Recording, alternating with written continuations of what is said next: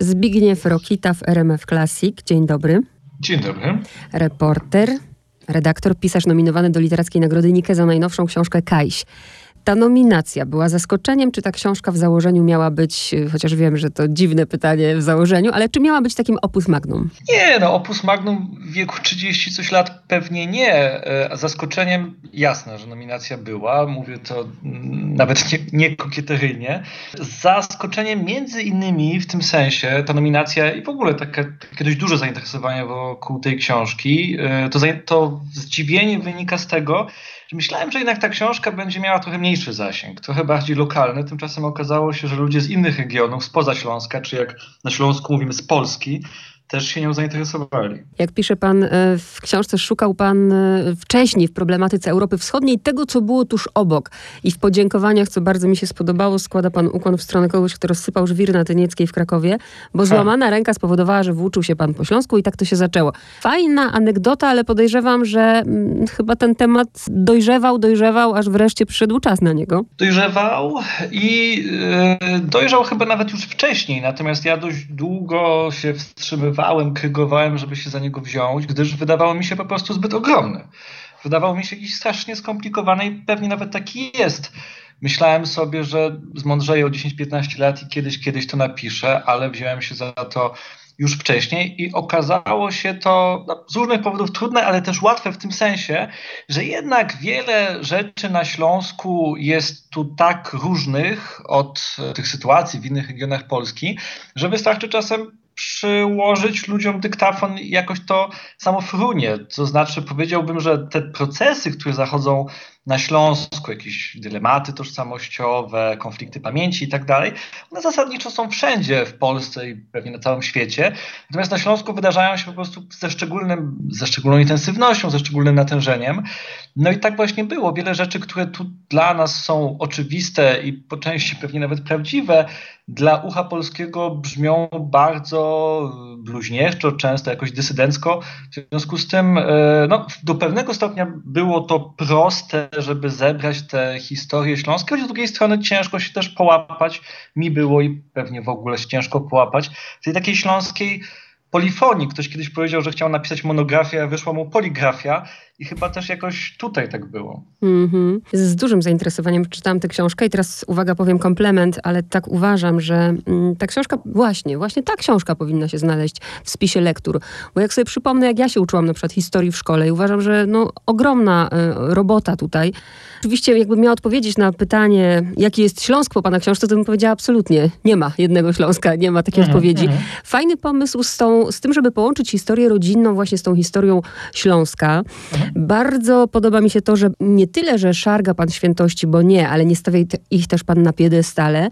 Ale teraz pytanie z grubej rury. Czy Ślązakiem człowiek się czuje, czy Ślązakiem się jest? Mam, y, do czego pije? Pije do tego, Aha. czy spotkał się pan z takim zarzutem, że mm, pan, który no, był pan 21 lat życia na tym Śląsku, później wyemigrował y, i tak, tak, dalej, nie jest tam pan, nie żyje tymi sprawami, że nie zarzucano panu, jakim hmm. prawem pan pisze o Śląsku? Oczywiście, że zarzucano. My tutaj w kółko wszyscy wszystko zarzucamy. To znaczy w dużej mierze takie bardzo mocne na Śląsku licytowanie się na drzewka genealogiczne, kto jest bardziej zakorzeniony, kto tu przyjechał i tak dalej, jest jakoś tam powszechne, czy też bardzo częste. No, wynika to pewnie z takiej, ja bym powiedział, nie wiem, może słabości, niepewności w ogóle, czym jest ta śląskość. Śląskość nie ma za sobą ani państwa, które by jakoś konturowało tę tożsamość, jakoś ubierało ją właśnie w kanony lektur, zadekretowane flagi czy święta państwowe. Śląskość jest bardzo rozproszona, też funkcjonuje często partyzancko. No przypomnijmy, mamy 850 tysięcy według ostatniego spisu sprzed dekady osób deklarujących taką narodowość jak Śląska. Tymczasem wciąż y, formalnie nie istnieje taka mniejszość. Mamy no, język śląski, który też y, nie ma takiego statusu, w ogóle nie ma żadnego statusu, ma taki status jak slang grzybiarzy czy, czy piłkarzy, czy kogokolwiek innego. Krótko mówiąc, jakby ta tożsamość śląska, no ona ma taki problem wciąż z rozpoznaniem samej siebie, ze znalezieniem swoich granic i tak, jakby wiele osób też, też pewnie mi to zarzuca, choć jednocześnie no, inne osoby z kolei twierdzą, i to jest mi bliski pogląd, bo tak chyba rzeczywiście jest, że ja też przez uwagę na fakt, że przez kilkanaście lat mieszkałem poza regionem, być może z większym dystansem do niego podszedłem. Przynajmniej tak bym chciał o tym myśleć. Ja rzeczywiście zajmuję się przede wszystkim Europą Wschodnią. I jakoś tak sobie pozauważałem, że wiele rzeczy, które się dzieje na tych wszystkich Donbasach, Wileńszczyznach, Rosjach, Kaukazach i tak dalej, dzieją się też gdzieś na Śląsku, więc te mechanizmy chciałem pokazać, jednocześnie pokazując, że Śląsk jest no, i wyjątkowy, i też zupełnie niewyjątkowy. Mhm. A wracając do pana, pan się, pan jest Ślązakiem, czy pan się czuje Ślązakiem? Wie pani, ja nie wiem, co by to miało znaczyć, że ktoś jest Ślązakiem, Polakiem, jakby to mierzyć, czy po kształcie czaszki, czy po krwi, czy po języku, który jakoś tam wyssał z tak zwanym mlekiem matki, więc pewnie ja zupełnie nie wierzę w to, że kimś się jest. Myślę, że nawet największy polski nacjonalista, gdyby uchodził się na bezludnej wyspie, no to by się tym Polakiem nigdy nie stał. Natomiast Ślązakiem się rzeczywiście czuje, a nawet czuje się coraz bardziej. Ta książka ona jest do jakiegoś stopnia taka trochę wiwisekcyjna, w tym sensie, że objętościowo pewnie jest 10%. Jej zajmują jakieś takie moje autorozważania o takiej mojej drodze. Uspokajam wszystkich czytelników, którzy potencjalnych czytelników, słuchaczy, którzy takich, takiego rodzaju literatury intymnej nie lubią. Cała reszta to jest taki już bardziej klasyczny reportaż. Natomiast rzeczywiście te moje takie osobiste wycieczki to jest trochę taka opowieść o pozbywaniu się chyba wstydu, o nabieraniu jakiegoś szacunku do swojej tożsamości, o takim może śląskim kamigaucie, który teraz się odbywa na Śląsku dość masowo, bym powiedział. No i właśnie ten wstyd to, to chyba jest jakoś tak kluczowy. O takiej sytuacji, kiedy peryferia jakoś tożsamościowo chcą dojść do głosu i przestać jakoś się wstydzić przed centrum, jakimi są. A czy pana mm, zdziwiło, a propos tego wstydu mm, i, i, tego właśnie, że to jest teraz w modzie, zdziwiła pana na przykład, czy zdziwiło to może złe słowo, to co zrobił Szczepan Twardoch, jak mu gratulowano mm, nagrody jako Polakowi? On mówi nie, nie, nie. Wie pani co, no Szczepan Twardoch zachował się w dość racjonalny sposób, który nawet trudno mi jakoś pewnie głębiej komentować, dlatego że po prostu redaktor bądź redaktorka, którzy taki tytuł nagłówek zamieścili, jakby popełnili błąd faktograficzny, na który zwrócił uwagę i sprawa została rozstrzygnięta, ale to jest rzeczywiście tym samym dość symptomatyczne, dlatego że no, w Polsce pewnie jesteśmy dość tacy nieuważni, niewrażliwi na te niuanse etniczne. Żyjemy w jakimś takim przeświadczeniu, że oto Polska jest krajem monoetnicznym, z jedną pamięcią, z jedną tożsamością. Tymczasem no, przypominam, że ta śląska mniejszość no, jest nas liczebnie kilkukrotnie więcej niż wszystkich innych mniejszości razem wziętych, rzeczywiście sporo. Jakby ta polska sytuacja, czy taka szerzej mówiąc, powiedzmy wyszehradzko-środkowoeuropejska, oparta na takim przeświadczeniu, że budujemy sobie społeczeństwa w oparciu właśnie o jeden język, jeden naród, jedną pamięć, etc., to jest taką naszą dość lokalną, nawet jak na Europę, swoistością. W skali świata to jest jakiś zupełny ewenement, żeby tak funkcjonowały społeczeństwa i no, Szczepan Twardoch tutaj jest y, czymś, co z pewnością Polskę y, uwiera w jakiś sposób, przynajmniej część z Polaków i Polek. No i jakoś jest takim wyzwaniem, pewnie jak wszyscy Ślązacy intelektualne, w ogóle dla, dla tożsamości polskiej. Też właśnie w tym kontekście zastanawiałam się nad tym, że nie tylko wracamy tam, nie wiem, 100 lat wstecz, ale i dzisiaj, że Aha. właściwie nie tylko Ślązaków, ale Polaków też Polska rozczarowała. Mhm. Bardzo ważne zdanie w pana książce. Ja nie pamiętam, który z bohaterów je powiedział, ale Aha. to nie my przekraczamy granice, to granice tak. nas przekraczały. Owszem, pan Alojzy Ketzler z miejscowości Cisek na tak zwanym Śląsku Opolskim to powiedział i rzeczywiście to jest bardzo ciekawa perspektywa i w ogóle ja mam takie poczucie, że perspektywa Ślązaków na instytucje państwa, w tym przypadku państwa polskiego jest chyba nawet bym się ośmielił powiedzieć, dość dojrzała. To znaczy, na Śląsku bardzo często traktuje się Polskę jako raczej sumę instytucji, niż jakiś taki byt abstrakcyjno-metafizyczno święto rzeczpospolito-macierzowy, co wynika chociażby właśnie z tego, o czym e, wspomniany Ketzler mówił, to znaczy Polska jest po prostu jednym jakby z państw, które tutaj na przestrzeni ostatnich nawet nie wieków, e, ale, ale pokoleń były. No, jeżeli miałbym się odwołać chociażby do moich przodków, no to mówimy o takich doświadczeniach, jak bycie urodzonym w niemieckim Rybniku, później wychowywanie się w międzywojennej Polsce, później za III Rzeszy bycie znowu germanizowanym w Niemczech, później bycie polonizowanym za PRL-u i później wyjazd do Niemiec e, za jakiejś tam późniejszej komuny. W związku z tym jakby to doświadczenie y, życia w wielu państwach i doświadczenie w ogóle niekonieczności tego, że jakieś państwo gdzieś jest. Myślę, że trochę obce z perspektywy Krakowa czy, czy nie wiem, Radomia. Na Śląsku rzeczywiście jest i mi się to podejście rzeczywiście bardzo jakoś podoba i to też być może nas uwrażliwia również na tych Polaków, którzy żyją chociażby na Wileńszczyźnie, na Ukrainie czy na Białorusi, no szczególnie ten ostatni kraj ostatnio na czołówkach gazet. Ich też granice przekraczały, a nie oni te granice przekraczają. To jest zupełnie inna perspektywa pewnie niż ta, dajmy na to krakowska. Mm -hmm. Teraz pójdziemy tak y, w stronę osobistą. Pan wymienia rozmówców rozmowy. Ja się zastanawiałam, rozmówców rozmowy, rozmówców książki. Ja się zastanawiałam, mhm. czy, czy to było trudne, bo w niektórych rodzinach e, jest tak, że się nie mówi o pewnych sprawach. Czy to było trudne namówić babcię na przykład na, na historię o pradziadku? Nie, nie, nie było trudne. To było też ciekawe o tyle, no po pierwsze, no, moja babcia oczywiście jest wielką bohaterką tej książki, dlatego że gdyby nie ona, to wiele zdań, być może nawet dla tej książki kluczowych, by się w niej nie znalazło. Babcia jest babcią, ale też bohaterką, w związku z tym musiała się zgodzić na te wypowiedzi, autoryzować i tak dalej. I za to jestem ogromnie wdzięczny.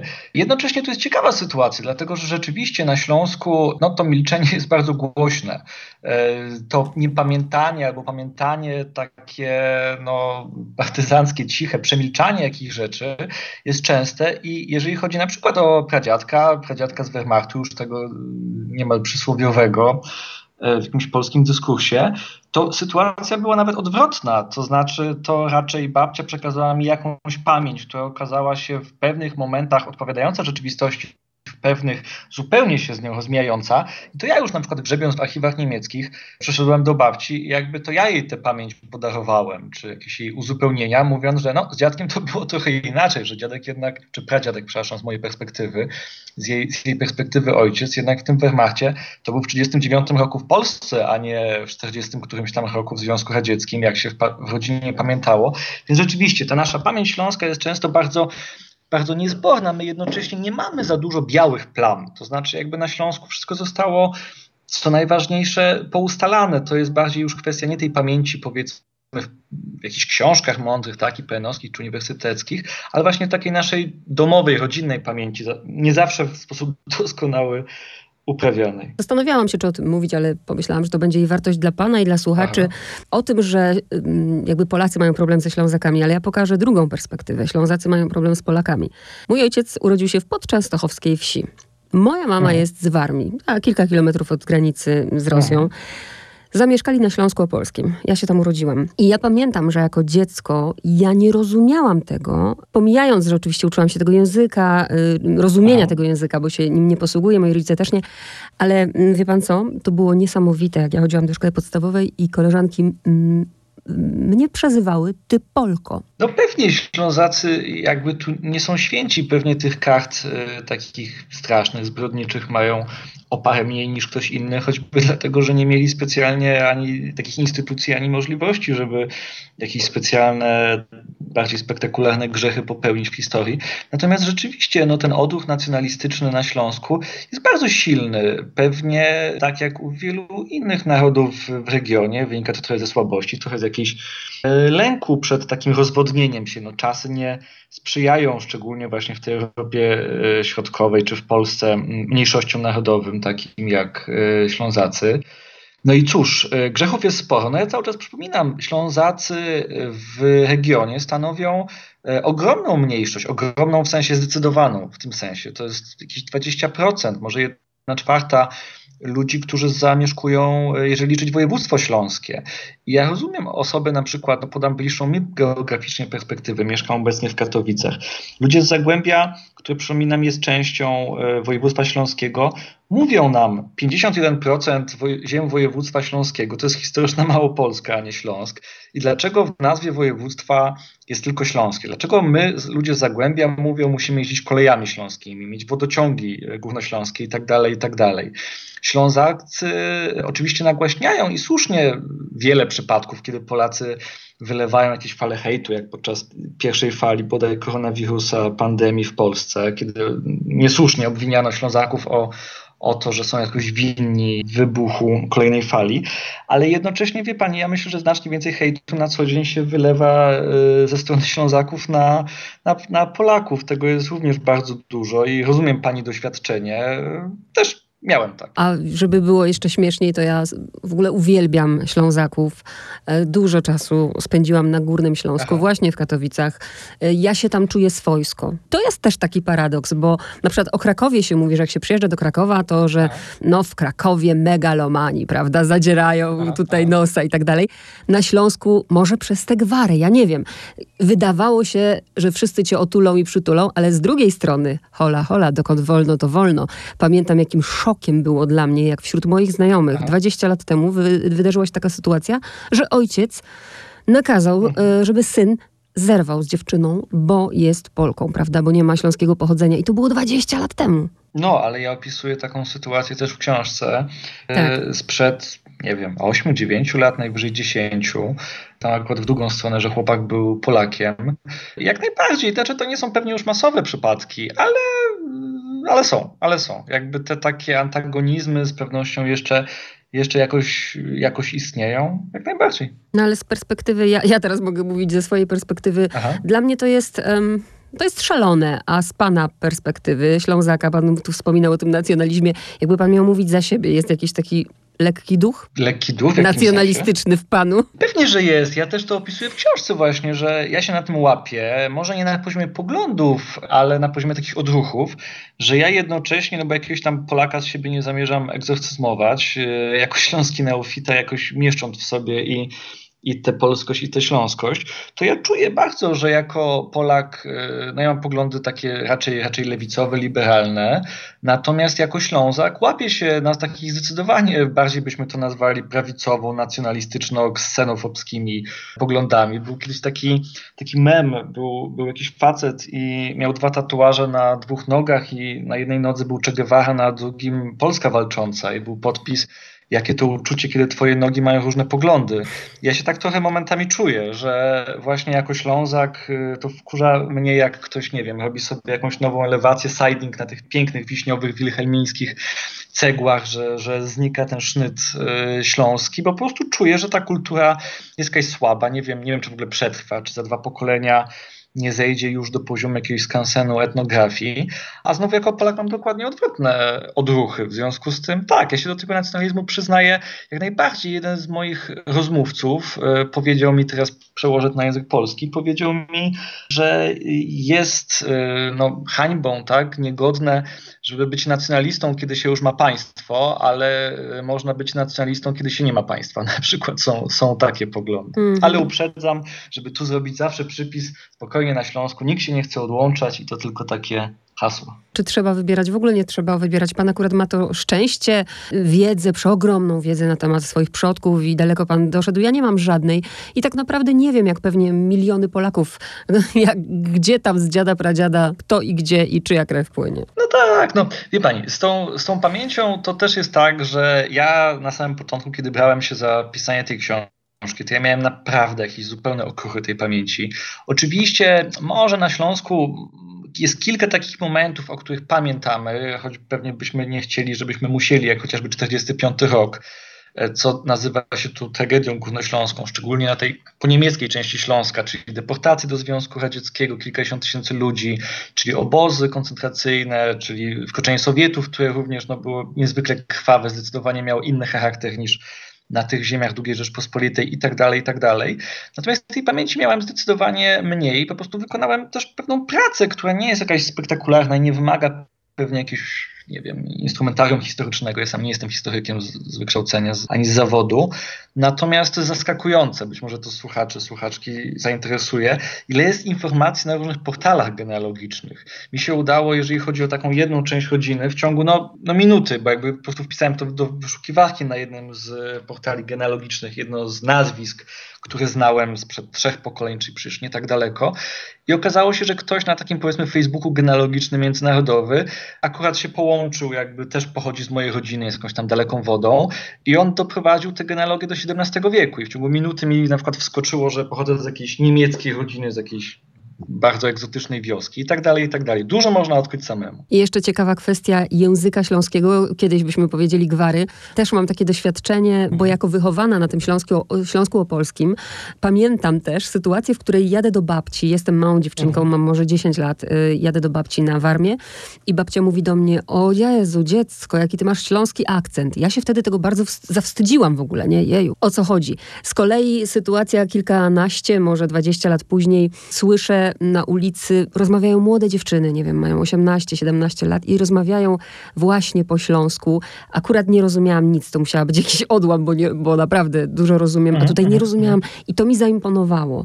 E, Jak u pana z tym językiem śląskim? Pan rozumie, mówi? No, bierna znajomość jest y, znakomita, natomiast jeśli chodzi o czynną, no ciężko nad tym pracuję. To znaczy, ja jestem absolwentem kursu komercyjnego, tak jak każdego innego języka można być, y, kursu Śląskiej Gotki, więc jestem certyfikowanym już użytkownikiem. A mówię o tym dlatego, o tym kursie, że to też zrobiło na mnie duże wrażenie. Kiedy ja się uczyłem śląskiego już nie tylko na poziomie słów, bo z domu wyniosłem jakiś śląski z Gliwic, ale, ale raczej marny. Kiedy uczyłem się śląskiego już nie na poziomie tylko słów, ale też na poziomie gramatyki, koniugacji, deklinacji, wtedy ten śląski tak urósł w mojej głowie. Pomyślałem sobie, to jest taki porządny język, prawdziwy język, bo jego się można uczyć.